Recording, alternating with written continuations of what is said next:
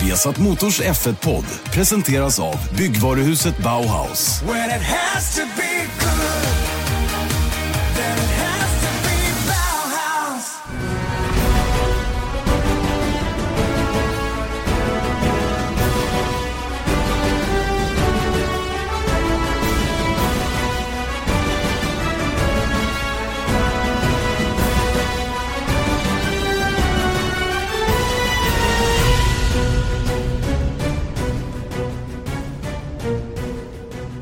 Julvecka får man väl säga och eh, hjärtligt välkomna till eh, Viasat Motors Formel 1-podd som kommer med ett tidigt paket här i form av en ny podcast.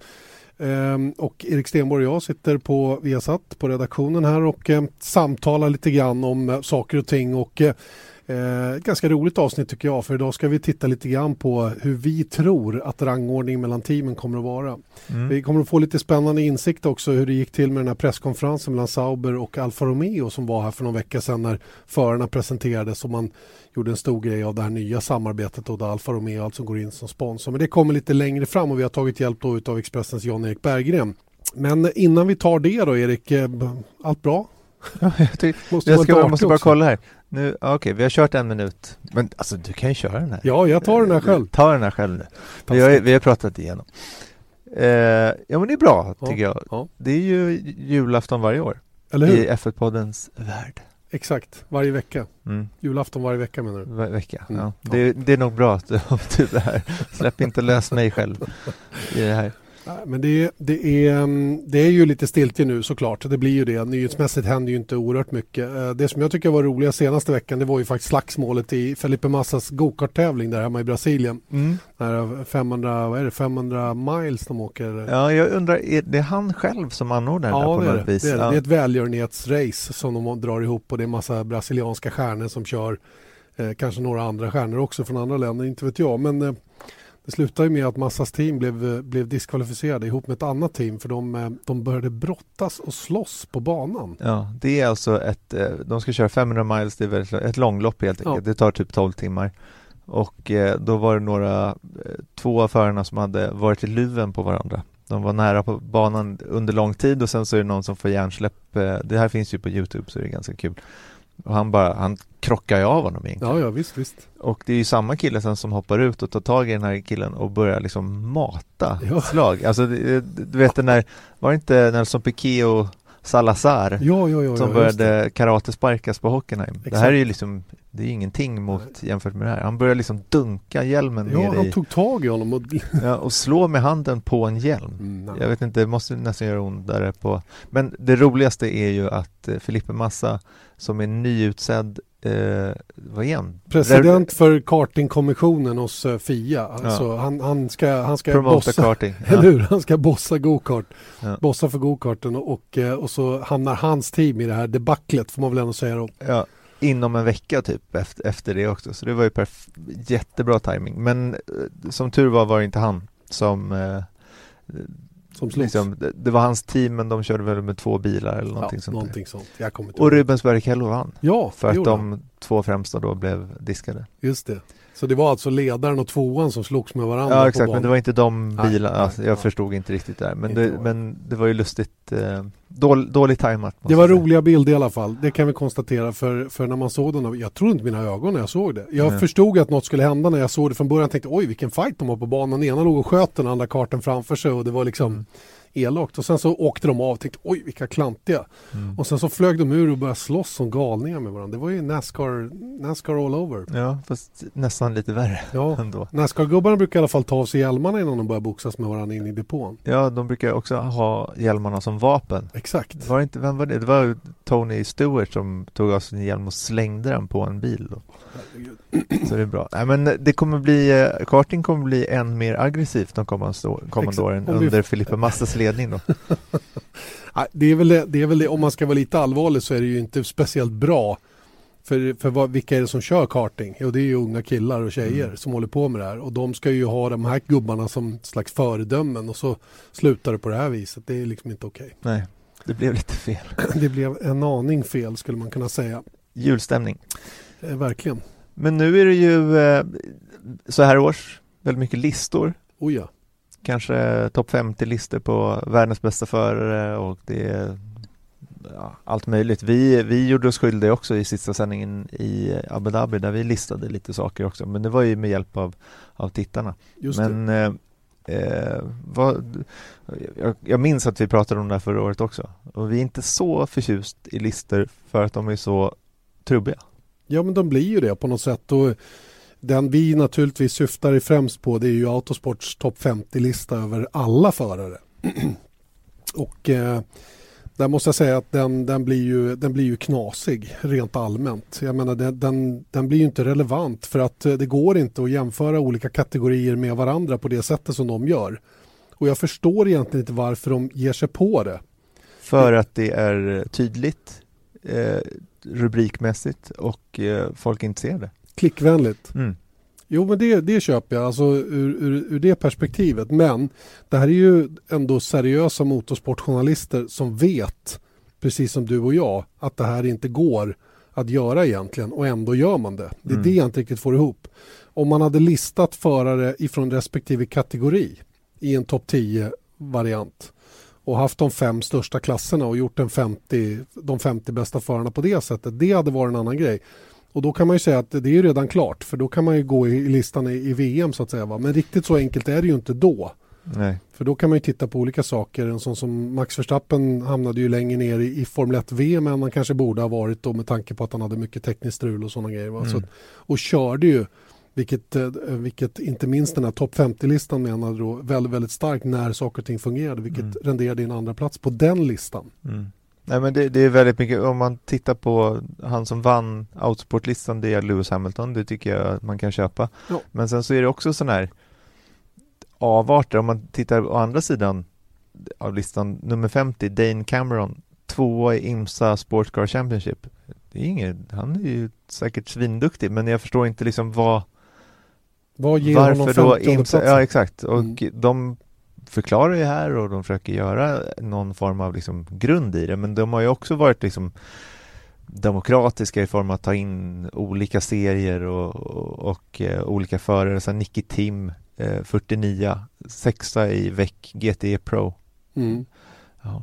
ja, eller hur? Ja, men liksom det, jag menar, han har ju gjort det bra mm. och jag, jag, har sett vad han har gjort under året liksom, men jag, jag, jag förstår inte. Kimi Räikkönen 46 ja. Jag tycker inte han hör hemma någonstans förutom pole position i Monaco så Det var en ganska så, svag säsong en, en, Som man till och med sagt själv mm. eh, Ja hur men, som helst. Men eh, som sagt, listor det blir det ju av naturliga skäl när man ska summera ihop ett år. Va? Och den här topp 50-listan eh, ska enligt mig i alla fall, och kanske det också Erik, tas med en väldigt stor nypa salt. Mm. Det blir en, en väldigt subjektiv bedömning av olika klasser mot varandra hur, hur bedömer man en, en, prestation i F3 mot en prestation i, i, i VEC? Mm. Mot en prestation i, i rally-VM och så vidare. Va? Rallycross-världsmästare. Ska inte alla världsmästarna vara topp fem? Jag kan tycka det. Eh, Johan Kristoffersson, eh, världsmästare i rallycross-VM, 41. Ja. ja.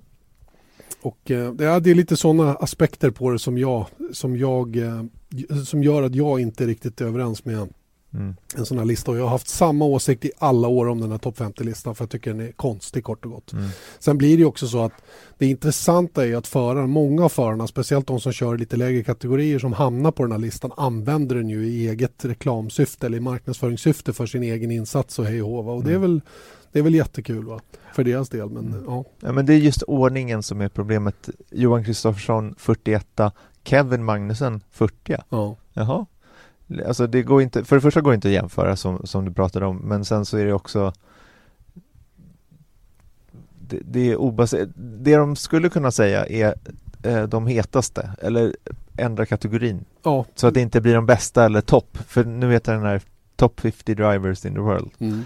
Ja, då, det, indikerar att de är topp 50 ja. bästhet. För hade, precis, hade man sagt att det var de hetaste 50 förarna i världen då hade man kunnat motivera varför man tycker att en förare är en, en het förare på ja. topp 50-listan på ett annat sätt. Att utan har... att bara basera det på, på resultat. Och man märker ju också att Autosport har haft lite, för de har ju tagit mycket eh, kritik på det här och vilket faktiskt har gjort att de har släppt en egen podcast där de förklarar hur hur de har tänkt. Mm. Och så här, varför inte, eh, och då har de tagit upp Johan Kristoffersson som ett exempel. Varför kommer han inte högre? Han är ju världsmästare. Exakt. Varför kommer han bakom Kevin Magnussen till exempel? Mm. Mm. Och då, då märker man ju också att om man känner sig manad att göra en, ett podcastavsnitt där man förklarar hur de tänker, då, då, då är det trubbigt bara. Det är lite trubbigt, ja.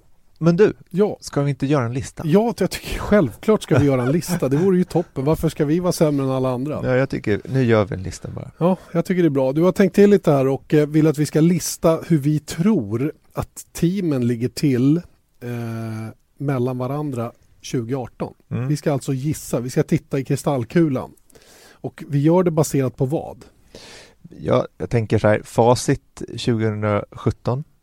Hur, hur såg det ut i förra året? Kanske hur såg utvecklingskurvan ut från, från start till eh, slut? Eh, vad har de för förare i bilarna? Vad har de för resurser rent budgetmässigt? Hur ser deras faciliteter ut eh, i högkvarteret? Vad har de för motor?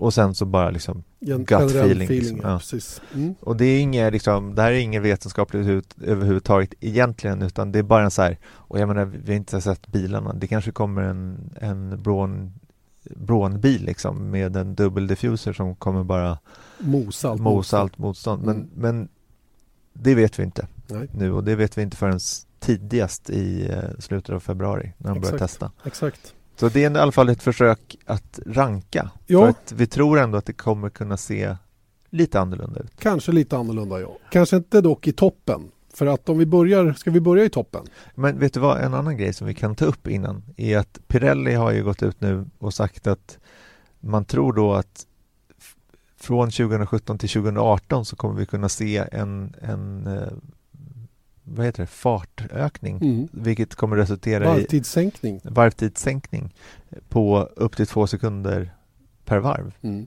Och då bygger de det då på simulationerna som de får från teamen för att kunna bygga sina däck till nästa år. Och de tror att eh, sett till över vintern så tror de att teamen kommer kunna hitta en, en och en halv, en sekund ungefär. Eh, och att då utvecklingen över en säsong bör också representera eh, typ en, en och en halv sekund. Så det är någonstans där i slutet av 2018 så kommer det gå ungefär två sekunder snabbare.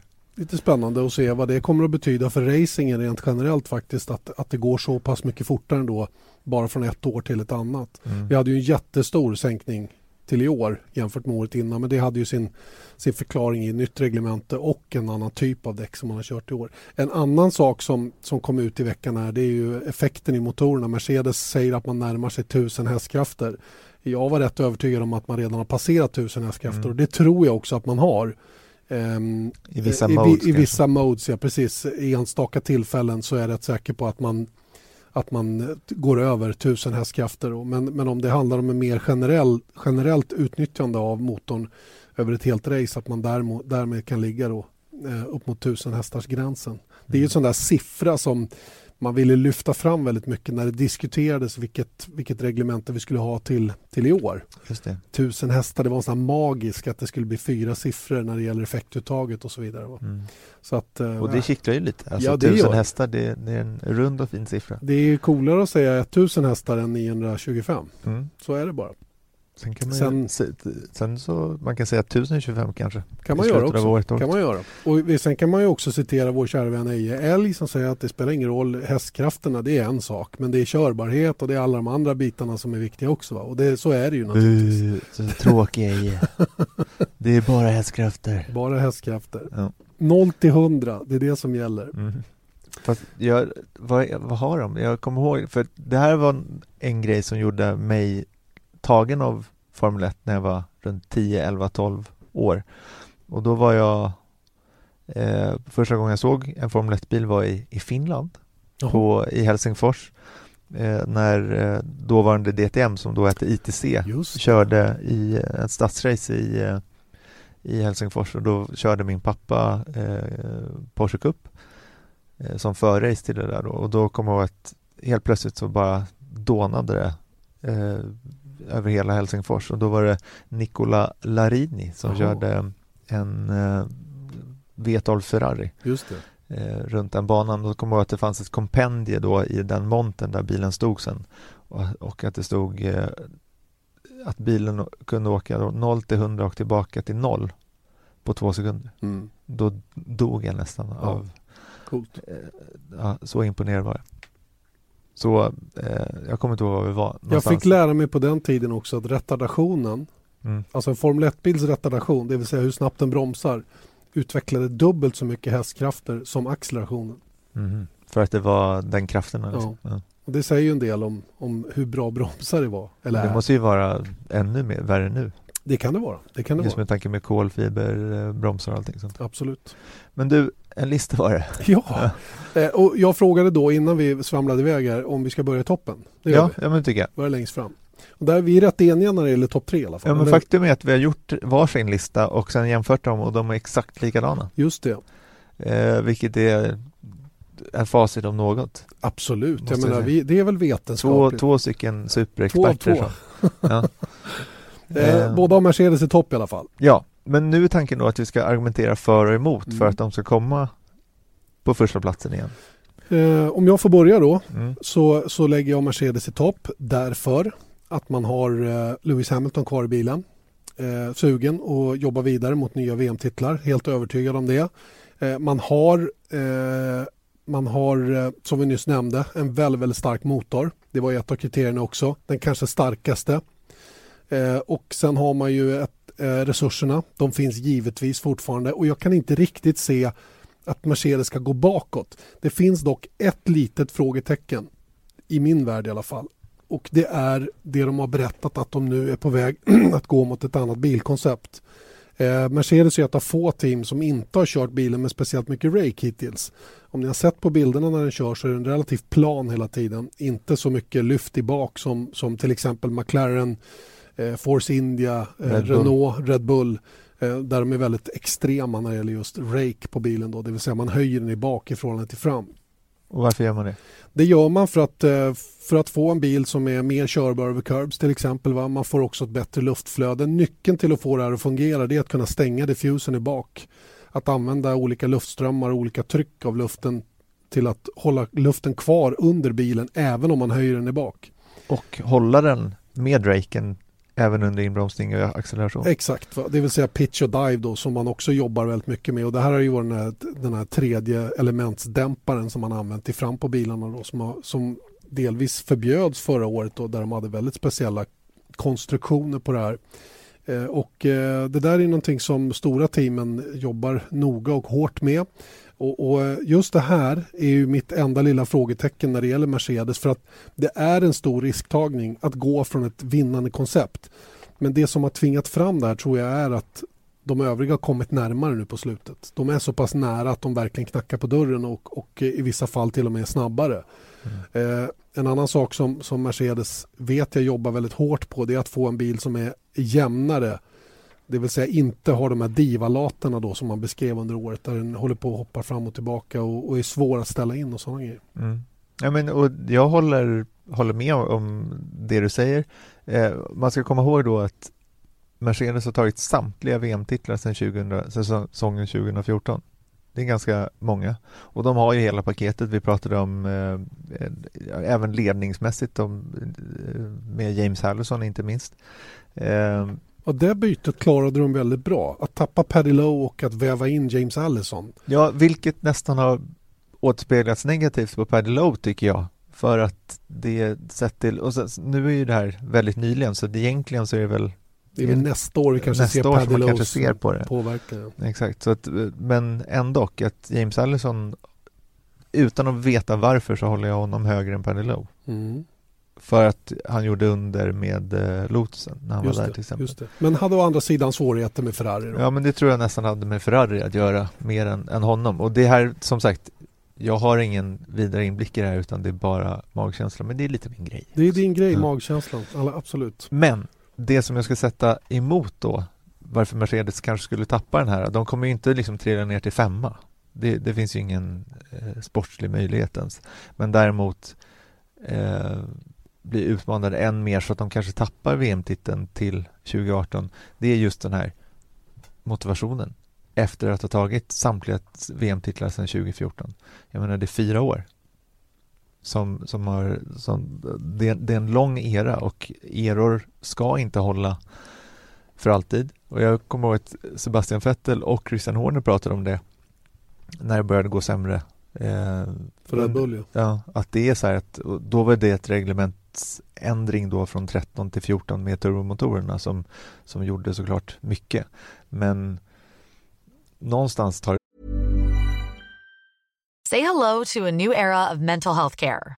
Cerebral is here to help you achieve your mental wellness goals with professional therapy and medication management support. 100% online. You'll experience the all new Cerebral Way, an innovative approach to mental wellness designed around you. You'll get a personalized treatment plan from a therapist, prescriber, or both in a safe and judgment free space. Your cerebral therapist or prescriber will outline a customized plan with clear milestones along the way so you can get to feeling your best. With Cerebral, you're not alone in your mental health journey. We're here to empower you to live a fulfilling life.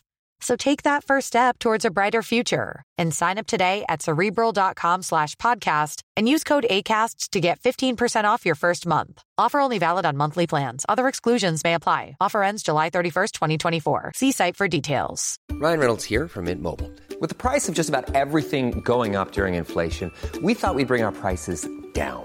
So to help us, we brought in a reverse auctioneer, which is apparently a thing. Mint Mobile unlimited premium wireless. Ready to get 30, 30, bit to get 30, bit to get 20, 20, 20, bit to get 20, 20, bit to get 15, 15, 15, 15 just 15 bucks a month. So, Give it a try at mintmobile.com/switch. slash $45 up front for 3 months plus taxes and fees. Promo rate for new customers for limited time. Unlimited more than 40 gigabytes per month slows. Full terms at mintmobile.com. Slut.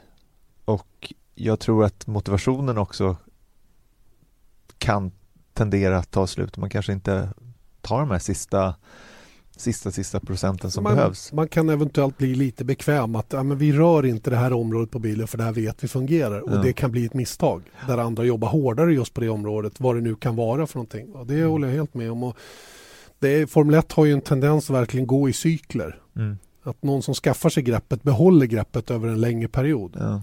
Eh, och eh, ja, undantaget var ju det där året 2009 när Braun hoppade in och, och, hade sitt eh, ultimata koncept som funkade första halvan av året och sen kom ju alla förbi men då hade de redan skaffat sig en ledning som, som räckte. Mm.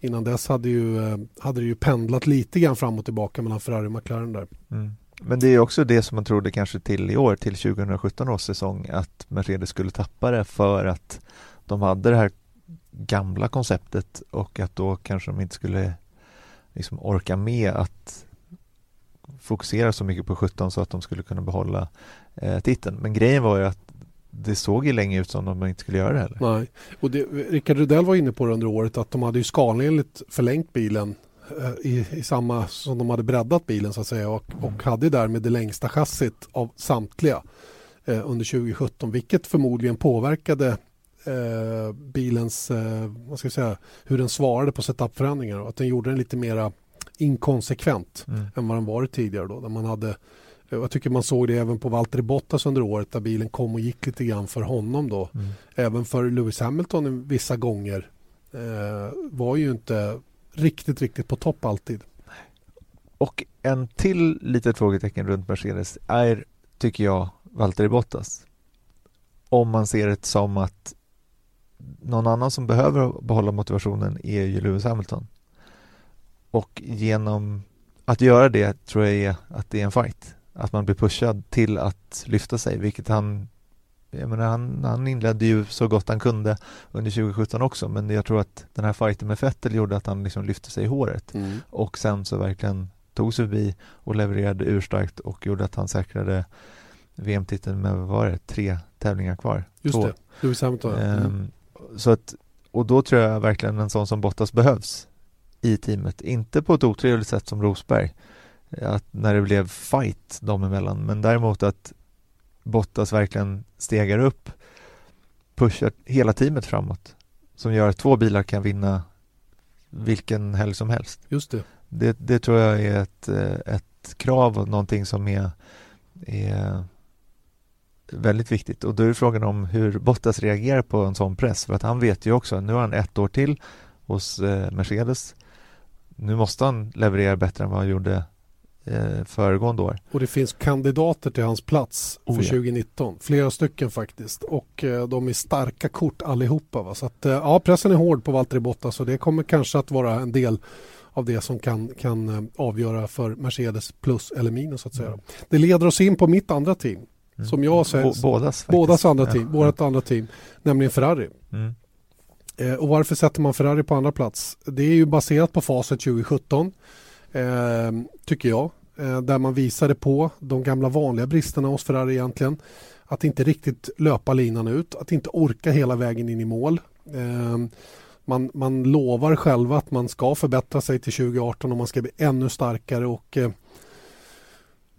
Sett till, sett till resurser så finns det ingen tvekan om att de har möjlighet att utmana Mercedes och kanske till och med vara snabbare än Mercedes. På förarsidan så kommer vi jag lite in lite grann på det som du är inne på när det gäller Valtteri Bottas här. Är det kanske lite för myspysigt i Ferrari just nu? Att Räikkönen är lite för långt efter Sebastian Vettel för att skapa den bubbla som teamet behöver för att ta det där lilla extra klivet fram då och därmed ta sig förbi Mercedes. Jag ställer mig frågande till det. Jag tror att även Ferrari behöver två gubbar som, som pushar teamet i rätt riktning och inte bara den ena. För det har varit väldigt tydligt tycker jag under 2017 att det är Vettel som är den man satsar på och kan satsa på för den andra föraren då, det vill säga Kim Räikkönen räcker inte riktigt till. Mm. Ja, men jag, jag håller med dig i, i den frågan också. Sen så, det som jag tycker talar för Ferrari är att de kom nära 2017 och det måste vara motiverande att veta att istället för att vara liksom, kanske tvåa men lite avhängd tvåa eh, är att här, nu fick vi ja, men du vet, de, blodvittring. Ja, de tog matchen helt enkelt. Ja. Va? De vann till och med race och redan i premiären i Australien såg vi att fasen Ferrari är på banan i år. Mm. Vad kul! Och man ska inte heller glömma bort att de gick in i den här säsongen med en helt annan eh, i en helt annan form utåt sett. För de gjorde liksom ingen som de brukar göra att ja, men i år, i år är vi bäst utan de var ganska low key och sen så såg man ju under testerna att det här var liksom de var ju, de var ju i topp där liksom, Mm. men att man trodde att det var lite sandbagging från Merca och sånt där men det var det ju inte, inte på inte den utsträckningen som man trodde i alla fall. Eh, men, men jag håller med dig om att eh, jag tror motorn är liksom nästan på par så länge om de får den att hålla bättre än vad den gjorde i år. Speciellt turbo, aggregat och, och sådant. Men, eh, men det är just eh, Kim Räikkönen som jag ställer mig lite frågande till också. Och det är just den här Kom ihåg att vi tippar nu teamens rangordning, inte förarnas rangordning. Nej, men och det, är det- ju det- det, det- som det gör bygger- att Räikkönen blir en svag kir. Exakt, för att då ska de då bli eh, ja, Sen så är det väl såklart att så här, Någonstans fi- finns ju föra-VM med i det här också men, men det är ju eh, jag, jag tror inte att Sett till föruppställningsmässigt så är ju Vettel starkare än, än eh, Kimi Mm. men jag tror att Hamilton är starkare än Vettel Mm. rent förmässigt. För jag tycker också att det som vi såg från Vettel att han har lite eh, issues alltså vad gäller eh, hetlevrad och eh, Ja, han kan bli lite uppjagad emellanåt, vilket inte är till hans fördel. Om vi säger så då. mm, När han är i zonen, untouchable alla dagar i veckan. Mm. Vilket naturligtvis också en sån som Lewis Hamilton är. Som jag tyckte under året i år eh, klarade av eh, eventuella mindre bra helger på ett otroligt starkt sätt. Han var mer i harmoni och det tror jag hänger ihop med Valtteri Bottas lite grann Mm. faktiskt. Att Bottas inte var den här kniven i ryggen på honom som Nico Rosberg var under 2016. mm, Och det gjorde stor skillnad för Hamilton. Han kunde, han kunde vara trygg med att det vissa gånger inte gick 100-100 och ändå, han fick i lugn och ro bygga upp sitt, sitt, sin helg till någonting väldigt bra i slutändan.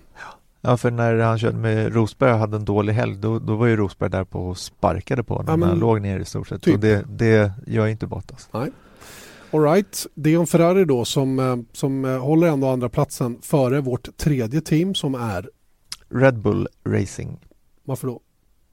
Jag tror att sett till föruppställning så tror jag att det som talar för dem att, inte, att de skulle vara högre upp det är ju Max Verstappen och Daniel Ricciardo.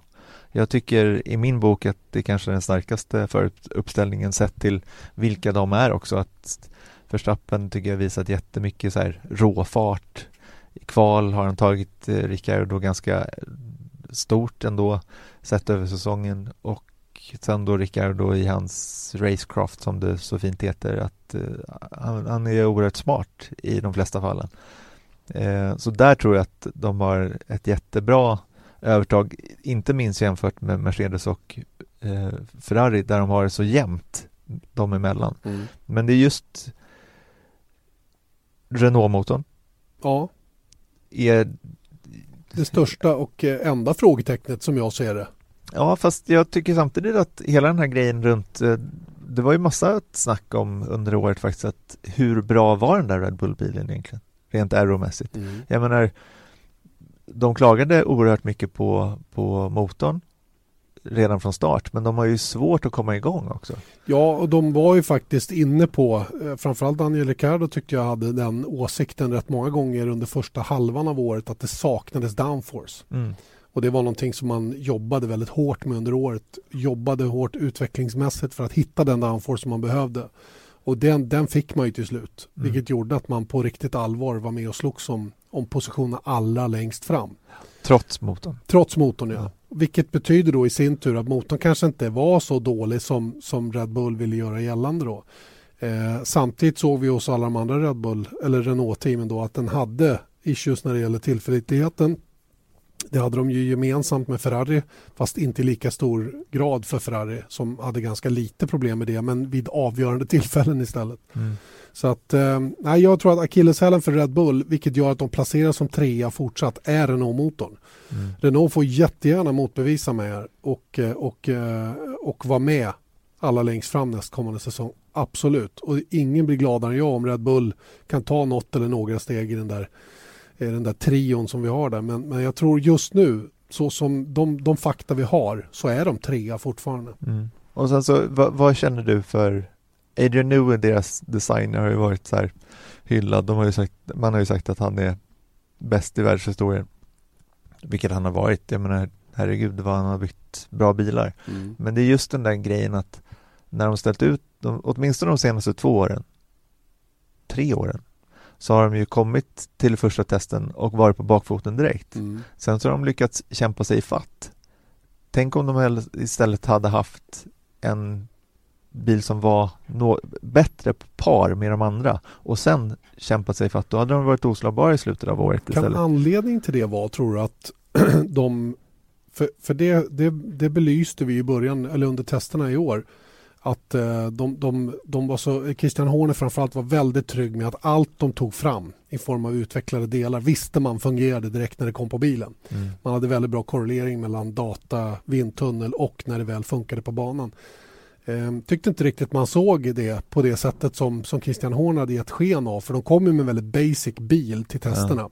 Som sen då skulle när man kom till Melbourne ha en stor uppdatering och så vidare. och Så vidare va? Så pass att det talades om att de skulle komma med en ny bil till typ. Melbourne? Exakt så. Exakt så. Vilket där, inte skedde? Nej, det gjorde ju inte det. Va? Och därför så Ja, därför så det drog ner lite grann på Adrian Newies eh, anseende kanske en aning under, under, under årets säsong att, att uh, den här uh, jag håller med dig. Tänk om de kommer med en bil som är snabbast redan i Barcelona under testerna. Mm. Då blir de ju livsfarliga. Eller lika snabba. Ja. För att jag tror att deras förmåga att utveckla sig är bra. Det visade de ju under året. Absolut. Men, men just eh, de måste starta bättre. Mm. De måste vara med. Och de är inte race-starter. Det kan vara bra också. Ja. Men, men... ja, men de har varit bra. Mm. Men nu topp tre eh, ja. känner vi oss ganska nöjda med. Orubbat bo. Ja, och men sen börjar det hända grejer. Ja, nu börjar det hända verkligen saker. För vi, vi båda, det här är lite chockerande nästan, att som fyra har vi McLaren. McLaren, ja. McLaren Renault 2018. McLaren Renault och eh, då ska man ju motivera det här då. Mm. Och eh, ja, det är ju ett stort förbehåll på den här fjärdeplatsen, så är det ju. Och, och det är ju, det är ju den här, det här bytet man gör nu från Honda till Renault. Det kräver ju att den att, den, att det skiftet går oerhört smärtfritt nu. Och att man kan implementera Renault-motorn i McLaren-chassit på ett tillfredsställande sätt. Det kommer att vara helt avgörande för om det ska bli en fjärde plats eller en sjunde mm. eh, teammässigt. Eh, jag, jag hyser dock stor tilltro till att man löser den här biten. Eh, jag tror att... Det måste ju också bygga på att motorn är tillräckligt bra. Ja, men det tycker jag vi... Det, den är tillräckligt bra för att de ska ta fjärdeplatsen. Det tror jag att Renault-motorn är under förutsättning att de bygger en lika bra bil i år som de har gjort eller nästa år som de har gjort i år. För det tycker inte jag har varit några tveksamheter runt omkring själva McLaren-chassit. Det har varit bra. Eh, det har de visat med eftertryck tycker jag flera gånger hur snabba de kan vara med rätt förutsättningar och alla de här bitarna. Mm. När, de, när de har inte samma nackdel av, av brist på hästkrafter som de hade under flertalet tävlingar under 2017. Ja, exempelvis när de har tagit 7000 gridbestraffningar en tävling för att komma med nya grejer så att de kan skruva på. Exakt. Var det inte Singapore de skulle göra jo, någon jo, sån? Någon sån pryl. Eh, och, och, det funkar ju. Mm, det gör ju det. Trots Honda-motorn.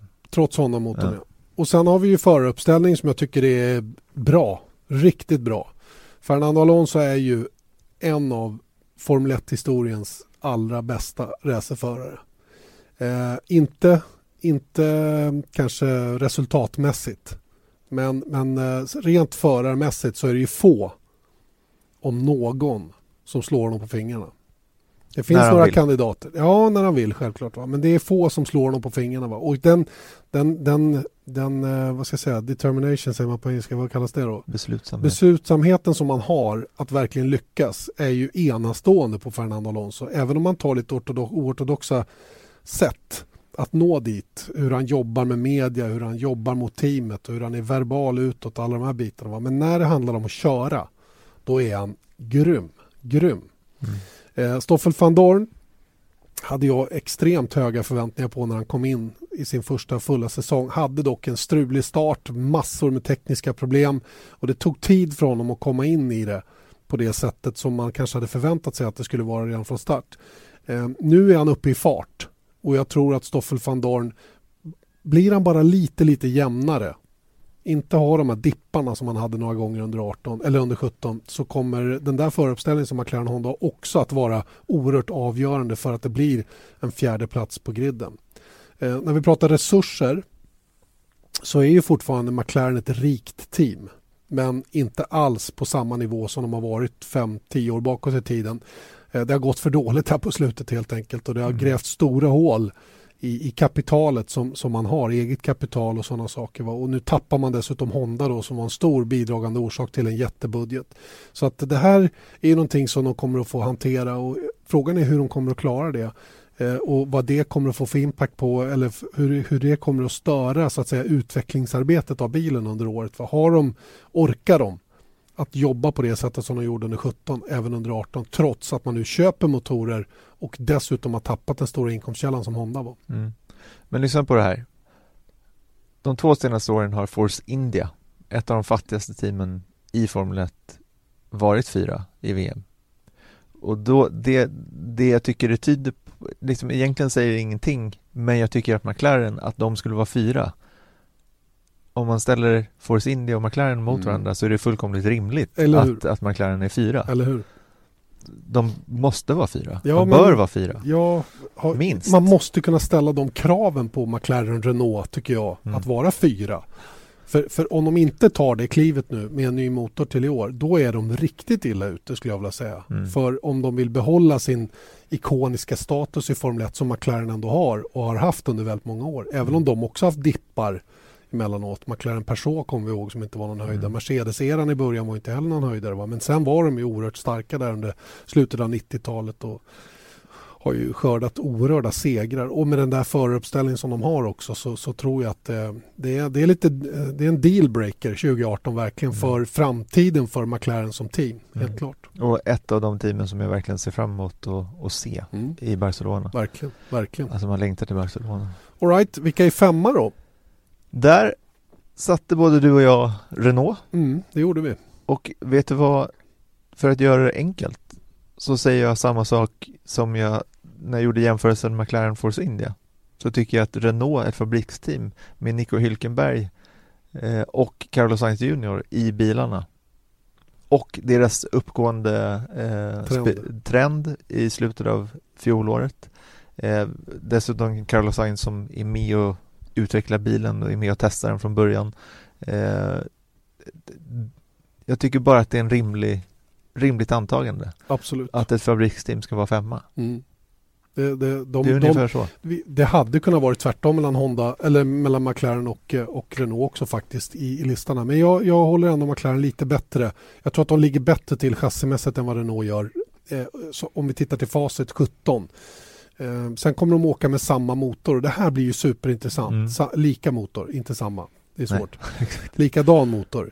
Eh, och det här blir ju superintressant nu för att eh, McLaren blir ju kund och Renault är fabriksteam. Och det brukar vara en viss fördröjning på nya grejer för fabriksteamets, till fabriksteamets fördel. Och det är sånt kan ju faktiskt avgöra. Och tittar vi till föruppställning som Renault har så är den väl så god totalt sett som den McLaren har. Mm. Det är två superbra drivers med Hülkenberg och Carlos Sainz eh, hos Renault. Så att, eh, det är hugget som stucket där. Det är verkligen tätt, tätt, tätt mm. mellan fjärde och femte plats. Mm. Ja men det, det, så är det bara. Mm. Men det som, eh, då är vi nere på sjätte plats och där har vi satt Force India. Det har vi gjort. Vilket jag bygger nästan enkom på. Att de bör inte, det är samma reglemente som det var i år i praktiken. Eh, det är klart de ska bygga en ny bil och de ska ha resurser till det. De ska utveckla den under säsongen och allting sånt där. Och där är ju deras akilleshäl, deras resurser. Nu kommer ju det tillskott i och med att de har kommit fyra i, eh, två i två år i rad mm. och de här fjärde plats eller utbetalningarna släpar ju två år eh, sett till hela kakan så att säga. Men nu får de ju de pengarna vilket i alla fall gör att de, de bör se hyggligt de är inte konkursmässiga, Nej. tror jag. Och, vet du vad, det finns en annan väldigt, väldigt viktig faktor som vi inte ska glömma här nu när det gäller Force India. De har ju ett extremt långt samarbete med Mercedes mm. som startade redan 2009. Eh, sen 2009 har man kört med Mercedes motor. Det har ju liten, liten betydelse egentligen fram till dess att man, eller innan man bytte reglement till 2014. Men de har kört Mercedes 14, 15, 16 och 17, fyra år. De har, eh, de har hela tiden köpt hela drivlinan från Mercedes. Eh, vilket betyder att det där harmoniserar perfekt, lika bra som det gör på fabriksteamets bil gissningsvis. Say hello to a new era of mental health care. Cerebral is here to help you achieve your mental wellness goals with professional therapy and medication management support. 100% online. You'll experience the all new Cerebral Way, an innovative approach to mental wellness designed around you. You'll get a personalized treatment plan from a therapist, prescriber, or both in a safe and judgment free space. Your cerebral therapist or prescriber will outline a customized plan with clear milestones along the way so you can get to feeling your best. With Cerebral, you're not alone in your mental health journey. We're here to empower you to live a fulfilling life. So take that first step towards a brighter future and sign up today at cerebral.com slash podcast and use code ACasts to get 15% off your first month. Offer only valid on monthly plans. Other exclusions may apply. Offer ends July 31st, 2024. See site for details. Hey, I'm Ryan Reynolds. At Mint Mobile, we like to do the opposite of what Big Wireless does. They charge you a lot we charge you a little. So naturally, when they announced they'd be raising their prices due to inflation, we decided to deflate our prices due to not hating you. That's right. We're cutting the price of Mint Unlimited from $30 a month to just $15 a month. Give it a try at mintmobile.com slash switch. $45 upfront for three months plus taxes and fees. Promote for new customers for limited time. Unlimited more than 40 gigabytes per month. Slows. Full terms at mintmobile.com. Väldigt, väldigt få tekniska haverier. Oerhört, oerhört avgörande. Den, den, en faktor till är ju att när man har haft samma motor så länge så har man ju dessutom ett tajt samarbete med Mercedes då när man har en av deras juniorer i bilen och så vidare. Så har man ju också väldigt, väldigt god koll på en enormt viktig faktor och det är ju eh, det här med kylning och sådana saker. Man kan bygga bilen extremt väl efter det paket man har för man har så mycket data att falla tillbaka på. Och det här är också eh, faktorer som, som är enormt viktiga för att vara ett av de mindre teamen budgetmässigt och ändå få utväxling resultatmässigt. Vilket de har lyckats perfekt med. Och sen med, med, eh, med eh, den, den, personal man har på tekniksidan då som, som jobbar med små steg. Man gör inte de här dramatiska förändringarna på bilen utan man jobbar lite sakta hela tiden och allt som de har de vann ju uppdateringskriget förra säsongen mot till exempel Williams då, som annars har varit väldigt bra på den biten då när Pat Simmons var ansvarig för den biten, Mm. alltså innan Paddy Lowe kom. Mm. Eh, Det var ju stor skillnad i år när Paddy Lowe var där och till exempel hade med sig ett stort uppdateringspaket till Österrike som inte alls fungerade. Mm. Det, var ju, det har ju varit den stora skillnaden för Williams jämfört med tidigare år. Det här gör ju Force India också oerhört bra. De här grejerna som man tar med sig, de har inte råd att ta fram tio versioner av en framvinge. De tar fram en Mm. och den funkar på en gång. Och sånt är imponerande verkligen. Mm. Och det är det också att de lyckades med samma resurser i stort sett de föregående två åren och de bör inte trilla speciellt långt bak. Borde inte Det, göra det det. är bara just att vi tror att potentialen hos Renault och McLaren att utveckla sig kan ta dem förbi dem. Ja, de har, ett större, de har en större utvecklingspotential än vad Force India har. Force Mm. India kan ta baby steps. Mm. Renault, McLaren, Renault borde ta större steg och det är Mm. därför de tar sig förbi då enligt vår lista. Mm. Och två bra förare. Två bra förare, Esteban Ocon som har hyllats enormt eh, under året. Eh, matchat Sergio Perez som är, som många uttrycker det, på piken av sin karriär och Esteban Ocon i allra högsta grad i början av sin och har ju då mer eller mindre matchat Perez från start till mål. Eh, nu hamnar han bakom Perez i listan här och det, ja, det är små detaljer som har skilt givetvis. Va? Men, men man ska inte ta bort det ifrån det faktum att, att Perez gjorde ett kanonfint jobb som, som verkligen höll och kom bakom sig hela året och Ocon har fått slita för, för den position han har haft och, och naturligtvis haft stor hjälp av att Force India-bilen har funkat så bra som den har gjort. Men de är otroligt starka och Ocon tror jag håller på att köra sig till ett fabrikskontrakt i Mercedes. Mm.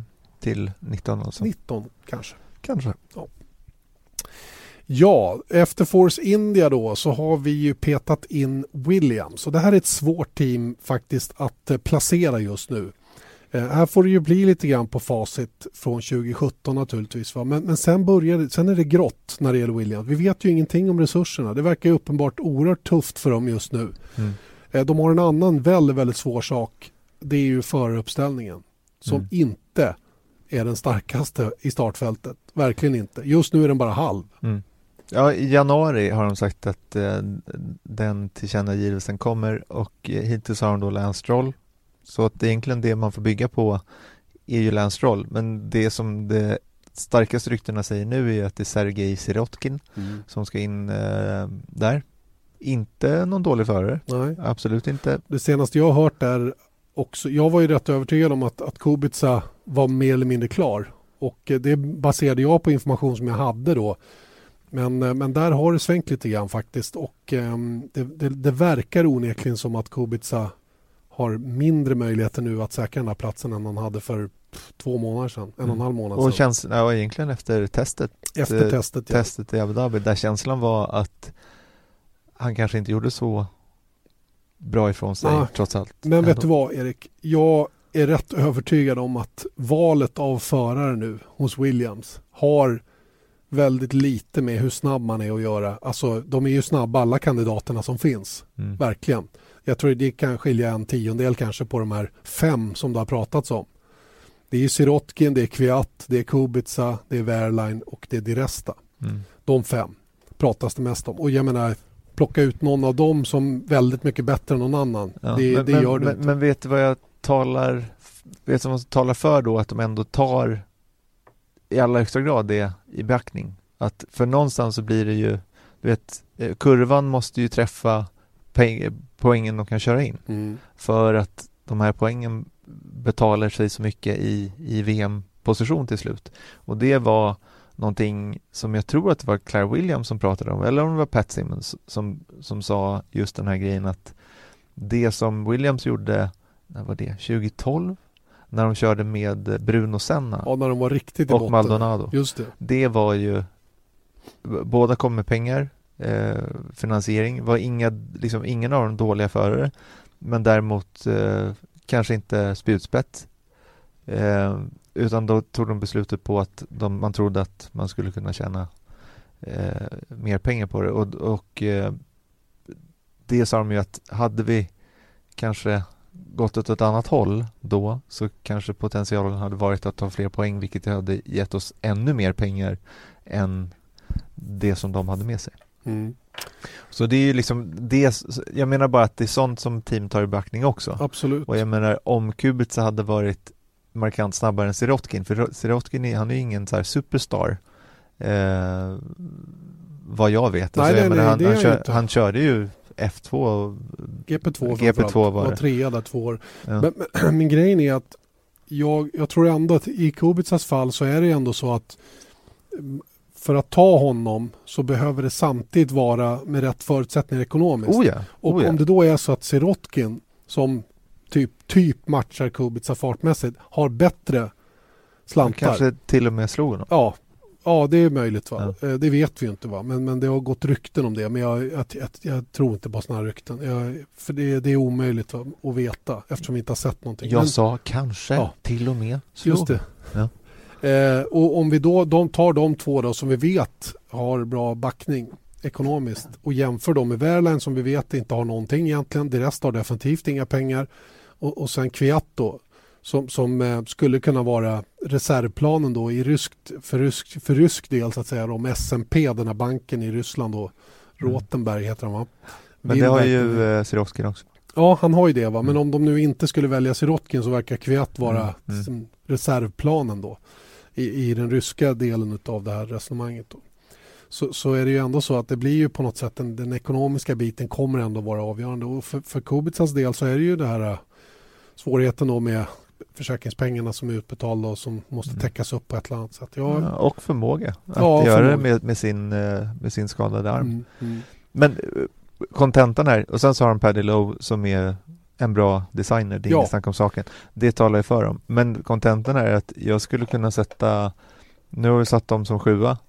På gamla meriter lite. Ja, eller har vi satt dem som sju, ja, sjua? Sjua, ja. Eh, men jag menar, vi kan sätta dem som Nia. ja, nio, Lika tio. gärna. Ja. Rent förarmässigt är de ju det faktiskt. Om man ser till, ser till hur, hur saker och ting En annan grej med Sirotkin är att han är bara 22 år gammal eller 23 eller vad nu är. Och då, det innebär att han är under det här åldersstrecket då på 25 som, som Martini då har Mm. velat eller alla haft önskemål om då för att kunna använda dem i marknadsföringen i alla länder över hela världen. Då. Mm. Där 25 år är den lägsta gränsen i vissa länder åtminstone. Mm. Men jag tror att det där, det där verkar ju vara något som man ändå kan Snacka Eh, sig Ja, bort man, man kan åtminstone om, om förutsättningarna i övrigt är goda så Mm. kan man komma runt det onekligen. Och eh, det är ju, eh, ja det ska bli intressant att se hur de väljer faktiskt. Jag, är- jag är oerhört spänd på det men du och jag har ju varit med ett tag nu och vi vetat turerna som har varit i teamen länge, inte minst då där Marcus Eriksson har varit inblandad, hur lång tid det tar innan de kommer till skott och, det är aldrig något gott tecken där. Nej. Och det har inte varit något gott tecken. Och det här är inte något gott tecken det som, som Williams är med om just nu. Va? Tappar två stora sponsorer och ja, det fattas, eh, fattas pengar helt enkelt i budgeten för att kunna vara med och kriga. Och det här gör att de, att de har den där sjunde platsen som sagt på min lista och din lista är i min värld på gamla meriter. Mm. Right. Nummer Åtta åtta. då? Åtta då? Och där tror jag att eh, det, alltså, det här mittfältet det, det, det är tufft. Man skulle kunna ha dem på tärningar så här och bara lägga ut dem. Ja, exakt. Eh, men där har vi i alla fall satt Sauber. Ja, Alfa Romeo Sauber och där bygger det på inte på gamla meriter i alla fall. Nej, men däremot på en, upp, upp, en, en bra trend i slutet av året. Eh, inte minst i form av tillskott av pengar. Inte minst av eh, en bra teknisk direktör i Jörg Sander. Inte minst i, bra, i en bra teamchef i Fred Vassör. Mm. Eh, en ny Ferrari-motor. Just det, senaste versionen. Eh, exakt. Väldigt bra faciliteter. Och numera ja, god ekonomi. Ja, Ehm, så att jag menar allt det sammantaget. Sen så är allt, det man ska komma ihåg med Sauber är att, för jag har hört någon som sa så här, "Ja, men vad, vad liksom, jag, jag tror eh, Eriksson kommer komma sexa nästa års eh, VM. Och då, där tror jag man ligger riktigt illa ute för att bli extremt besviken. Mm. Och för där tittar vi på då att nu har de varit tvärsist, de var 10, de var liksom a- 18, 19, 20 om inget konstigt hände eh, i år. Och det man ska komma ihåg är att eh, okej, de får en ny motor vilket ska ge dem ett rejält kliv att närma sig de andra. Men det man ska komma ihåg är också att de ska gå förbi andra. Jag menar, eh, bilen som sådan var inget eh, Alltså chassit och Aeron var ju Ingen succé. Nej, det var ingen eh, toppenbil heller. Och det är ju alltid en utveckling i Formel 1.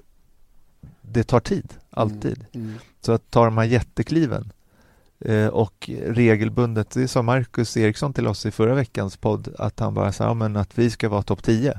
Mm, titta då på vilka man har framför sig.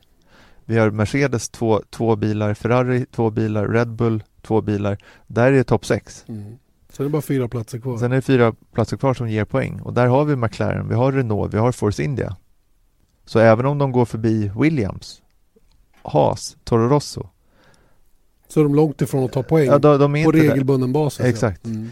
Så jag tror att det man kan hoppas på i Saubers fall är enstaka poäng när saker och ting händer ändå. Fast de är mycket närmare än vad de var i år. Större möjligheter till de här enstaka Exakt. poängen än de har haft. För i år har de inte haft några möjligheter igen. Bilen har varit helt omöjlig att ta poäng med om det inte har varit helt uppåt väggarna. Ja, man ska ha en jävla, ja, ursäkta språket, men Ja, en, det- liksom en, en Pascal Wehrlein-race i, i Spanien. Mm. Det är det man behöver Ja. för att ta, ta poäng. Och jag tror att kliv kommer de ju ta, det måste de göra. Det, Absolut. det finns ingen annan väg.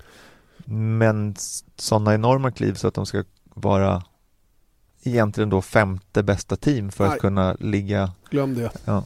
I alla fall inledningsvis. Det har jag väldigt svårt att se. De får jätte, jättegärna motbevisa oss, självklart. Va? Mm. Men sen tittar vi på föruppställningen så är den, den är average, mm. tycker jag. Eh, De tar in en otroligt stark rookie.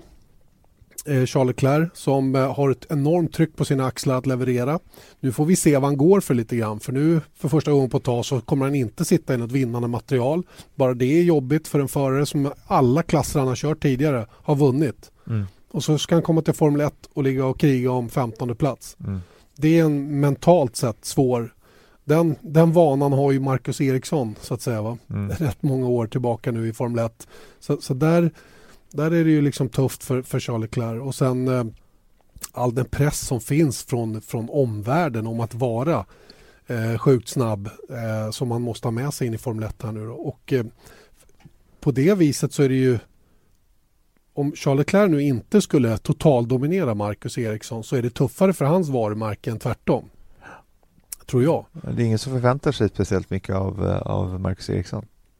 Nej, och det ska, man ju, det ska ju han använda till sin fördel så att säga. Va? Så, så enkelt är det ju. Va? Och det, det här är ju bara baserat på vad omvärlden tycker. Sen hur det ser ut i verkligheten, det får vi ju se. Mm. Men, men det här är ju bara subjektivt tyckande från omvärlden då eftersom Leclerc vet vi inte vad han går för i en Formel 1-bil på riktigt allvar. Vi har sett honom några fredagsträningar och han har kört lite tester och, och det, det säger egentligen ingenting mer än att han klarar av det på ett väldigt bra sätt. Mm. De säger att Formula One is a different beast. Så är det. Oavsett eh, vad man har kört tidigare. Exakt, exakt. Så, så är det så. Men samtidigt då, så, ja, men, så, som du säger, det, det är en, en, en bra föruppställning eh, men mycket frågetecken, inte spektakulär. Den är bättre än Williams. Ja, det är absolut. Ingen snack om saken. Eh, och sen då har vi som nionde team stoppat in Haas. Right. Haas som eh, det amerikanska teamet som då går in i sin tredje säsong har eh, eh, nu efter säsongen sagt att det man lägger väldigt, väldigt stort fokus på inför nästa år det är deras aerodynamiska avdelning. Eh, det är samma läge egentligen där som för Sauber. De behöver bli bättre när det gäller aerodynamiken och hur man jobbar däcken. Det var nog Haas stora svaghet eh, under 2017 tycker jag att de, De var behöver bli jämnare. ja, de var fruktansvärt ojämna. Och på slutet faktiskt till och med långsammare bitvis än vad Sauber var och, eh, valda stunder i alla fall. Så att, eh, och jag tror inte att det är något eh, jag tror inte de kommer med något världsomvälvande till nästa år. Eh, ungefär samma förutsättningar ekonomiskt, samma föruppställning som är en speciell Mm. föruppställning. En väldigt eh, eh, känslomässig fransman, schweizare, slash schweizare och eh, Kevin Magnussen då, the Formula Ones bad boy, vilket han själv inte vill kallas och inte har några ambitioner om att vara men ändå har fått det Mm. epitetet lite grann. Så att eh, hans, eh, hans eh, kan Ja. blixtra till. Men det är samma läge för dem. Ska de vara uppe och ta poäng då ska de slå väldigt, väldigt starka team. Mm. Och det vet jag 17 om de kommer att klara. Så på våran lista är de i alla fall nio. Mm. Då är det bara en plats kvar. Ja, Vilket är lite eh, ja, förvånande, men det, där har vi Toro Rosso. ja. och det, de får ju ta den sista platsen just för att de går till fältets sämsta motor Mm. baserat på 2017. Mm. Eh, och de har heller inte den, den starkaste föruppställningen i min värld i alla fall. De har en världsmästare i, i World Endurance Championship, Brendan Hartley och de har rookien Pierre Gasly. Verkligen inga dåliga förare, långt därifrån. Men saknar ju naturligtvis erfarenheten och jag tycker det lyste igenom lite för Hartley eh, de här sista racen under 2017 där han, där han inte riktigt orkade upp på den nivå där man nog hoppas att han ska vara under 2018 i alla fall. Mm. Nej men, då, det, men det är Honda och jag menar, vi kan inte basera på något annat sätt för att vi har pratat om ljusglimtar och vi har pratat om förhoppningar till nästa år att de ska hitta rätt och allting sånt med Honda eh, i väldigt många år. Mm. Och eh, någonstans får man bara liksom Jag säger fortfarande att det är möjligt att eh, de ska hitta massor av, av, av tid och, och framförallt eh, tillförlitlighet. Men Lycka till! Ja, ja, ja, du vet, det, det, är inget som liksom så här, okej okay, nu hittar de klivet eller vad Sen så kanske det, å andra sidan om man ska tala för, är att de har ju sagt att samarbetet med McLaren var eh, stressful. Liksom, det var ett jobbigt samarbete och det tror jag alla såg också. Men har Toro Rosso samma möjligheter som McLaren att, att liksom kompensera för bristen på hästkrafter på andra plan? Nej, och det, det, är väl, ja, de, de, har väl James Key där och jo, vet, allting visst. sånt. Så att, men, men det... resursmässigt kanske inte, men däremot så menar jag att det kanske är en bättre miljö för Honda att vara i. Mm. Lugnare och lite mer i fred. Och, ja, och nu ska de bygga upp någonting liksom från början. Det, men också det faktum att det är första året om de kör med det. Eh, jag menar, McLaren hade ju lärt sig en massa saker från Honda och tvärtom. Men nu är det ett nytt partnerskap som ska, som ska fungera mm. Eh, med en i grunden dålig motor. Så är det. Därför är de tia. Just det. Och där har ni våran lista. Mm. Våran lista. Ska vi dra den snabbt igen? Det tycker är alltså nummer ett Mercedes, nummer två Ferrari, nummer tre Red Bull, fyra McLaren, McLaren femma Renault, sexa Force India, sjua Williams, åtta Sauber, Alfa Romeo Sauber, ska man säga. Ja. Eh, nia Haas och tia Toro Rosso. Just det, där har ni dem. Som vi tror i alla fall utifrån de förutsättningarna vi har att göra den bedömningen då, det vill säga på fjolårsresultat eller årets resultat, på föraruppställning, på eh, resurser, eh, faciliteter, vad de har för motor och allmän känsla runt omkring teamet. Mm. Det är de kriterier vi har använt. Nu ska vi eh, ta en kort liten paus men vi kommer strax tillbaka och då ska vi, eh, då ska vi prata med Jan-Erik Bergen, Expressens Jan-Erik Bergen som jobbar på Allt om bilar.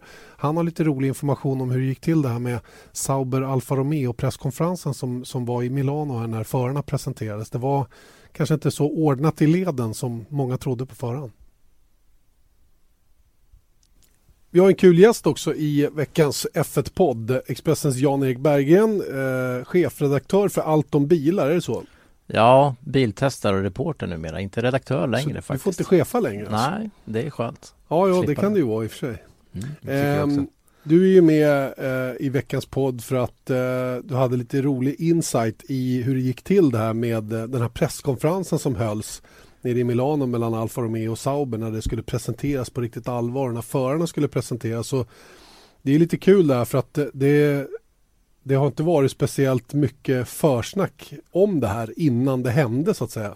Nej, och, det här verkar det som har slagit ner som en bomb hos många på Alfa Romeo. Jag pratade med deras eh, PR-chef Maria Conti som berättade hur det gick till och hon eh, sa att det var dagarna innan Dubai, eh, alltså Abu Dhabi-tävlingen. Eh, så blev hon inkallad till Marchione, Sergio Marchione, chef för hela Fiat-koncernen. Och där fick hon skriva på ett papper där hon eh, lovade att inte avslöja vad som skulle pratas om i det här rummet. Och då handlade det om att eh, Alfa Romeo skulle in i Formel 1. Och hon blev ombedd att styra upp den här presskonferensen och presentationen. Och det här skulle bli en jättetillställning tyckte Marchione. Han ville ha dit alla. Som... Selling a little or a lot? Shopify helps you do your thing however you cha-ching. Shopify is the global commerce platform that helps you sell at every stage of your business. From the launch your online shop stage to the first real life store stage, all the way to the did we just hit a million orders stage. Shopify is there to help you grow. Shopify helps you turn browsers into buyers with the internet's best converting checkout. 36% better on average compared to other leading commerce platforms Because businesses that grow grow with Shopify. Get a $1 per month trial period at shopify.com slash work. Shopify.com slash work. Som möjligt. Eh, Men hon fick inte säga något till någon. Så det var lite pyssel att få ihop den här stor, det här stora eventet utan att berätta vad hon skulle göra. Lite moment 22. Och, och då, men det, det här är ju också bara intressant det, för vi hörde ju i varje fall en månad innan att, att de här alfaryktena dök upp. Och sen så har vi då PR-chefen, hon är ju högt uppsatt då inom Alfa Romeo, som får reda på det, ja, vad, vad blir det, en dryg vecka då?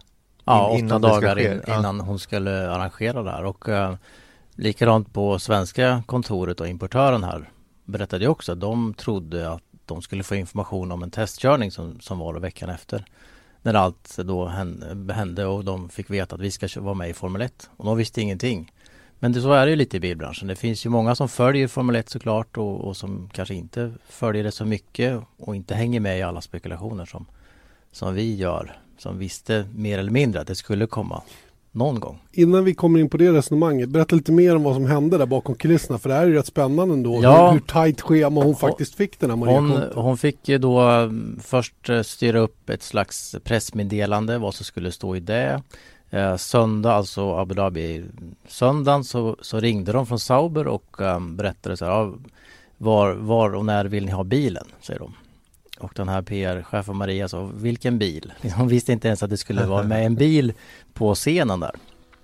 Och hon var tvungen att försöka hitta någon slags eh, dekor, hur skulle hon, hur skulle hon liksom dekorera hela den här eventet och scenen och alltihopa och, och vilken bil, eller motor på bilen får en plats, eh, hur tung är den, när kommer den hit? Eh, sen skulle de bestämma någon färg på bilen, de skulle ju lackas på Var något Alfa sätt. Romeo inblandade i det? Ja, det är klart att de är, men Ja, och då, då berättar hon att eh, Alfa Romeo använder fyra olika röda färger. Och då hade, det gick det upp till Sergio Marchionne igen som bestämde vilken utav de här röda färgerna som de använder på, på i Formel 1 eh, liksom. Och det var ju då inte samma som skulle användas på den här testkörningen lite senare, lite senare då. Så då fick hon försöka hitta de här färgkoderna och eh, kunde då inte heller avslöja för designavdelningen varför vill hon ha de här färgkoderna liksom. Du behöver inte de här nu, du ska ju pyssla med en annan bil liksom. Ja, då fick de bryta loss någon del och skicka i taxi upp till Sauber med rätt färg så de kunde liksom ska återskapa den här färgen då. Så fick aldrig den, själv, den själva koden. Nej, de fick ta den från en, en fysisk del som hade rätt färg liksom. Och det var då för att göra det här uh, koncept-livery Precis, som, som precis. och de- den fick ju hon typ hitta på på uppstuds bara, ungefär hur den skulle se ut. Och sen äh, lackades ju bilen, fixades till, fraktades då ner till Milano och fastnade i tullen. Så den kom, den kom fram så fem på morgonen, lördag morgon och eventet började ju elva. Eh, hon eh, berättade också att hon uh, signade tre personer också mot att de inte fick berätta vad det var. Som skulle ringa runt till journalister för att försöka få dit så många som möjligt. På Marchiones önskan då. Ja, och Men han, det är det som är lite intressant för, för vi, inbjudningarna kommer ju inte liksom till var och en. Utan det landar lite här och lite där på något sätt. Inte minst Ja. här i Sverige då. Ja, nej, det var nog väldigt kaosartat det här. Att hur, de, hur de fick iväg och vilka mejllistor de använde och sådär. Vilka som, som var där. Men de lyckades ju få dit väldigt många människor i alla fall. Mm. Men det är också lustigt då för att jag tänker på, vi fick ju ring, när vi hörde att så här, okej det började, folk började posta på Twitter till exempel och på andra ställen att så ja, jag har fått en inbjudan till eh, Alfa eh, presskonferens i, i Milano och då hörde jag mig till, till Sauber och hon som vi normalt sett har kontakt med hon bara ja just det, eh, okej här, jag fick en Mm. känsla av att hon inte riktigt var helt med på vad jag pratade om heller. Och det här var väl kanske tre dagar innan eller någonting sånt. Jag tror jag, jag fick inbjudan onsdag. Ja, och det var Ja. väl på onsdagen då. Mm. Och då så hör jag med henne och hon, hon ja okej men vi ska kolla så här. Och då fick jag kontakt med någon från Alfa istället och sen så bara rann tiden iväg. Vi hade ju gärna varit där men inte, vi, vi kommer liksom inte ner. Vi blev inte inbjudna. Nej. Ja, det var lite udda faktiskt. och eh, eh, egent, man frågar sig lite grann vad det här säger oss om det här samarbetet. För, för det har ju dröjt med annonseringen av vilka förare och hela den här grejen. Det verkar som det har varit ganska sega grejer förhandlingsmässigt innan man kom fram till att det här skulle göras och när man väl hade bestämt sig, då tog Marchione tag i det här själv och började liksom hands-on och peka Mm. ut folk som skulle ordna hela grejen. Då. Jag fick Men- uppfattningen att förarna bestämdes, eller hon fick veta förarna typ bara en eller två dagar innan. Mm. Så det var inte i första informationen utan då var det bara ett samarbete och de skulle, Mm. de skulle ut och berätta det liksom. Fascinerande. Mm. Och sen så, Mm. Men eh, Marcus sa ju i vår intervju eh, med honom förra veckan sa han att han fick reda på det runt Abu Dhabi-helgen Just det, också. Så då var det i alla fall någon form av förhandsbesked. Ja, där. exakt. Mm. Men eh, ja, det, men det är ju också lustigt det här, för det, är också just den här grejen med Marchione. För det har vi hört eh, de senaste liksom, månaderna att han är apropå det att han ska bestämma den här färgkoden själv. Mm. Han är ändå, vad är han? han är, Koncernchef för Fiat Chrysler. FCA. Ja, Ja. koncernen. Han är koncernchef, alltså högsta chef. Mm. Och han sitter och bestämmer färgkoder då på Mm. en Formel 1-bil. Jag förstår att det är en stor grej, men det här är ju liksom vad jag har förstått så har han varit liksom the buck stops with him hela vägen. Ja. Och Nej, även i verkligen. Ferrari liksom. Nej, han har, och den här eh, PR-chefen hade åkt hiss med honom när allt var bestämt och så. Han bara, ja, men är du inte, är du inte spänd på det här nu? Tycker du inte det är kul? Och hon bara, jo men du kunde ha gett mig två veckor i alla fall, inte åtta dagar för att ordna alltihopa. Liksom. Mm. Ja. Nej, Han är verkligen, eh, det är verkligen han som har bestämt och hållit i taktpinnen och så här. Mm. Spännande. Eh, och nu undrar man ju också lite grann vilken utväxling Alfa Romeo ska få av det här. Då. Om det är så att eh, importören i Sverige knappt vet om att det ska hända så ska de nu växla om på en ganska kort tid för att det här ska börja liksom betyda att man säljer fler bilar. Och du är ju på den sidan mer egentligen än i Formel 1. Nu kan ju du Formel 1 också men du är ju mer på, på vanliga bilar så att säga på den sidan då och eh, det är ju inte helt lätt att hitta den där kopplingen.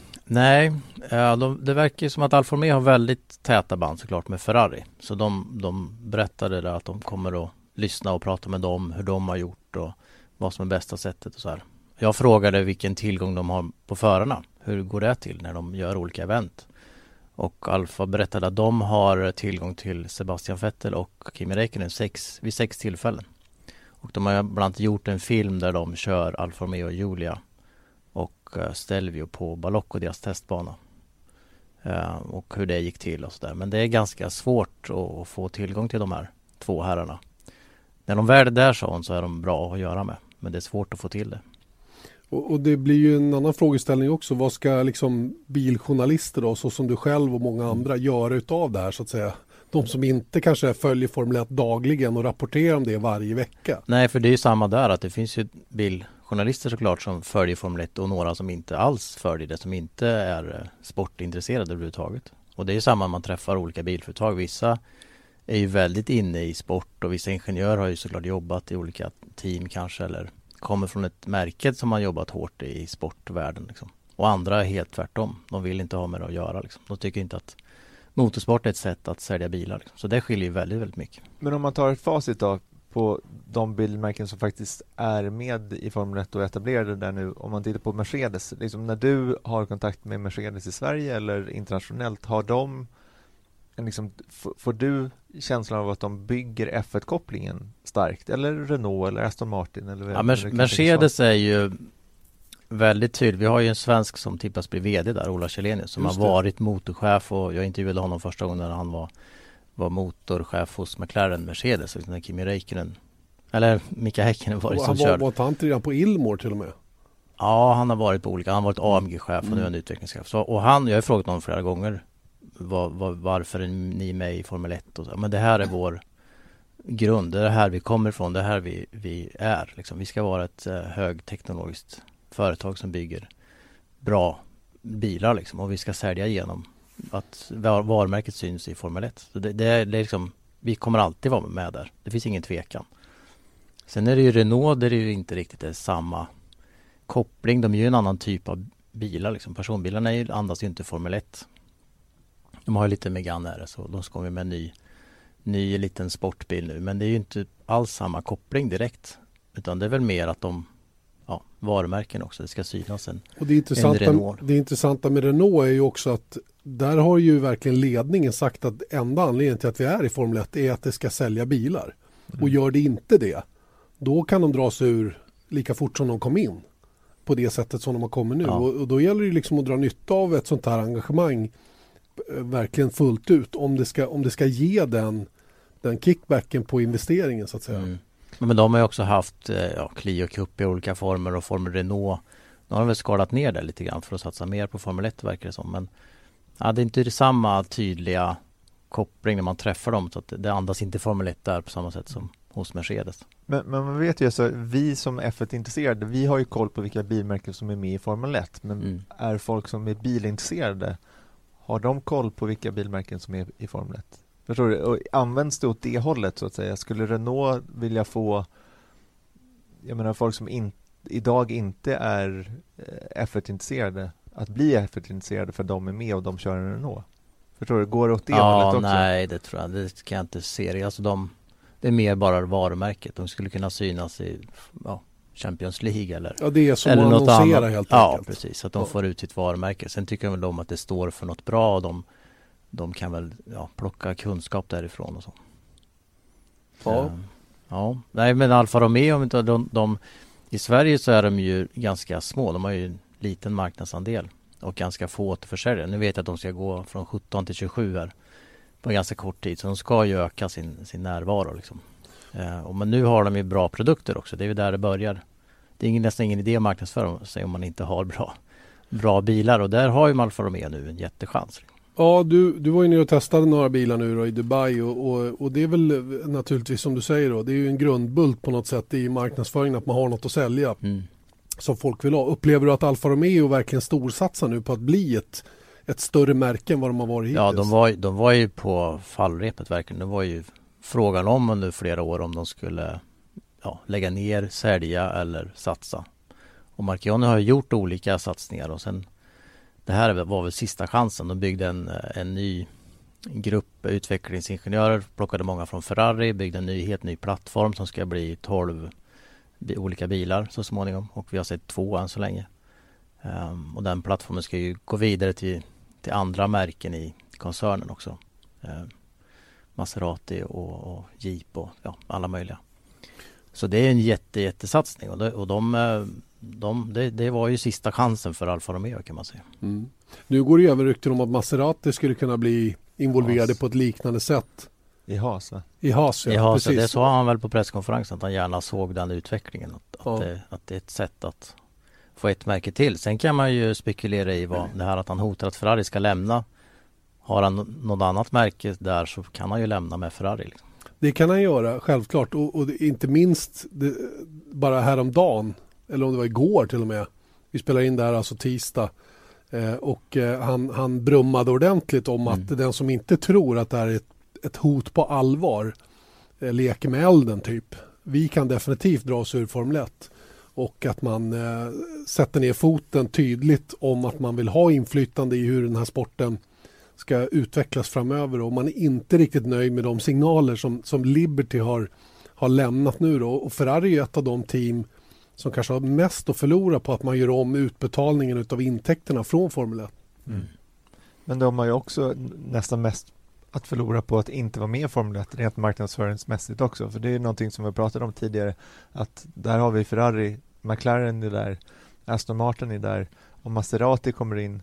Alltså nu kanske de inte är konkurrenter konkurrent. på, på det sätt, sättet men jag menar det, det här är ju Ferraris marknadsföringsfönster i stort sett. Det måste ju vara 80% av deras marknadsföring har ju att göra med Formel 1. Eh, och sen så bara skulle de ta bort det då till 2021. Det känns inte heller eh, troligt. Det jag skulle vilja veta då innan jag riktigt köper det här hotet så att säga. Det är ju vad är alternativet? Vad, vad, hur Ja, ser men planen precis. ut i övrigt? Okej, dra er ur då, men vad händer sen? Kommer märket Mm. liksom att klara sig på den, på den, Mm, liksom, den plattform man har vid sidan av dem med sina supersportbilar och hela den grejen? Men jag har hört att de skulle göra någon GT-projekt då i så fall att de skulle göra någonting i veck. Men jag menar Jag menar, titta på hur många som kollar på, på veck och på Formel 1. Jag menar, det är liksom, vi pratar max 8% skulle jag tippa. Eh, och inte minst på, på, på racen, att det är folktomt när veck kör på, i Bahrain. Liksom. Det är inte en människa där. Så att jag menar, jag, jag undrar liksom över jag menar, Ferrari är ju Formel 1 och de har ju, byggt, de har ju växt samman på, på gott och ont. Mm. Och jag menar, även om de skulle sänka deras betalningar, utbetalningar då i, i, i bonusar, vilket de säkert skulle kunna göra, men de skulle ju fortfarande få Stora pengar. äh, mycket pengar. Liksom. Jo, jag menar idag, jag vet inte, vi läste någon att de får 90 miljoner dollar bara för att ställa upp. Bara för att ställa två bilar till start, liksom, vilket är en ganska stor del eh, av budgeten så att säga som man har tillgänglig då under en säsong. Men, men eh, jag, jag kan inte heller riktigt se vad, vad, vad de skulle vinna på att hoppa av så att säga. Va? Och sen, eh, sen är det, men jag, jag tror fortfarande, och det har jag trott varje gång man har hört det här, även när, när eh, Montezemolo var chef så var det ju samma tongångar. Varje gång ett, ett Concordavtal skulle omförhandlas eller vad det nu var så var man väldigt tydliga med vilken, vilken power man ändå har. Du kallar det för powerplay, det här Mm. att man tar in Alfa Romeo nu då och skaffar sig ännu mer inflytande i Formel 1. Nu har man i praktiken tre team då. Det här nämnde vi också för två poddar sedan. Just att, att eh, Ferrari då med, med Haas, med sig själva och med Sauber Alfa Romeo nu då blir en, en, en, en viktig del av Formel 1 så att säga med större möjlighet att, att få sina synpunkter tillgodosedda på något sätt. Va? Och det, Ja, jag tror att det är viktigt också att, att, um, att det kommer in fler så här, supersportbilsmärken. Som McLaren är ju där redan men de, de satsar ännu mer på sina gatbilar och Maserati på väg då kanske. Och Aston Martin som ju nu ska antingen börsintroduceras, precis som Ferrari, eh, eller säljas. Eh, det här under 2018 pratas det om och eh, det är väl bra att de, att de här kommer in i Formel 1 också. Det höjer ju bara värdet av serien ännu mer. Absolut och jag menar jag tycker det är lite spännande faktiskt att vi får bilmärken som kommer in igen nu. Det är ju ett tag sedan senast. Aston gör ju en ganska stor satsning ihop med Red Bull då, och Alfa tillsammans med Sauber och att det liksom det blir tydligare koppling på det viset igen då än vad det kanske har varit under en period i alla fall. Det går ju i cykler där. Det var ju, det var ju väldigt många inne före bilkrisen där 2008 Exakt. Och sen drog de sig ur igen. Det är bara en fråga om när, när eh, kanske någon mer japansk tillverkare kommer igen. Honda har ju haft några trevande år sedan man på riktigt allvar kom tillbaka igen nu då. Toyota fortsätter i World Endurance Championship men jag vet inte. Det ryktas ju väldigt mycket om Porsche också som vill tillbaka in i Formel 1 och att de fortsätter hålla på att utveckla en V6-motor. Varför gör de det? Eh, om de inte har planer på att, att använda den till till exempel då att, att driva Formel 1-bilar framåt här eh, från och med 2021 då. Lite beroende på vad det blir för motorreglemente. Mm. Det ska bli spännande att följa. Absolut. Eh, kul Jan-Erik att höra din insyn i, eh, i det här då och eh, den här eh, lite speciella historien med den här presskonferensen. Man blir, man blir förundrad över en sån här sport som genererar och, och där det är så mycket pengar involverat. Hur det kan vara på uppstuds som saker och ting sker ändå. Ja, verkligen. Ja, det blir kul att följa också och um, hur, speciellt i Sverige faktiskt hur de, hur de tänker använda Marcus nu då. Och, och, och jag vet att de, de vill ju få ramar och besked från, från Italien. Hur, vad har de för möjligheter och vad vill de, ja, vad kan de göra liksom.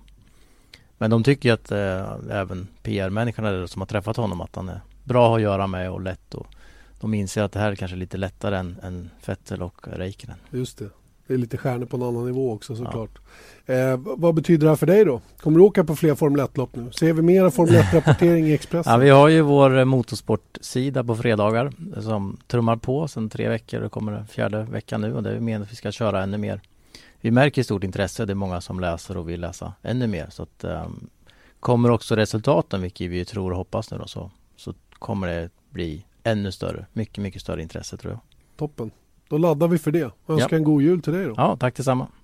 Ja, då har vi släppt iväg Jan-Erik Berggren som eh, hade lite intressant eh, information om presskonferensen men också lite grann om det här med att få utväxling på att gå in i Formel 1 när det gäller eh, ett, ett varumärke så att säga, ett bilvarumärke då, som kommer in i form av Alfa Romeo. Det är inte helt lätt att, att få alla att dra åt samma håll. Nej, uppenbarligen inte.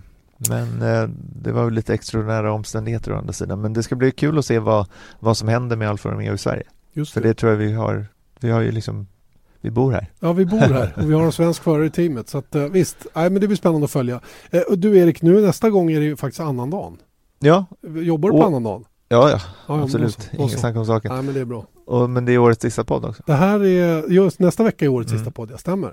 Så att eh, det blir, eh, det blir eh, nya tag om en vecka igen. Vi kanske ska köra en lista. Ja, varför inte?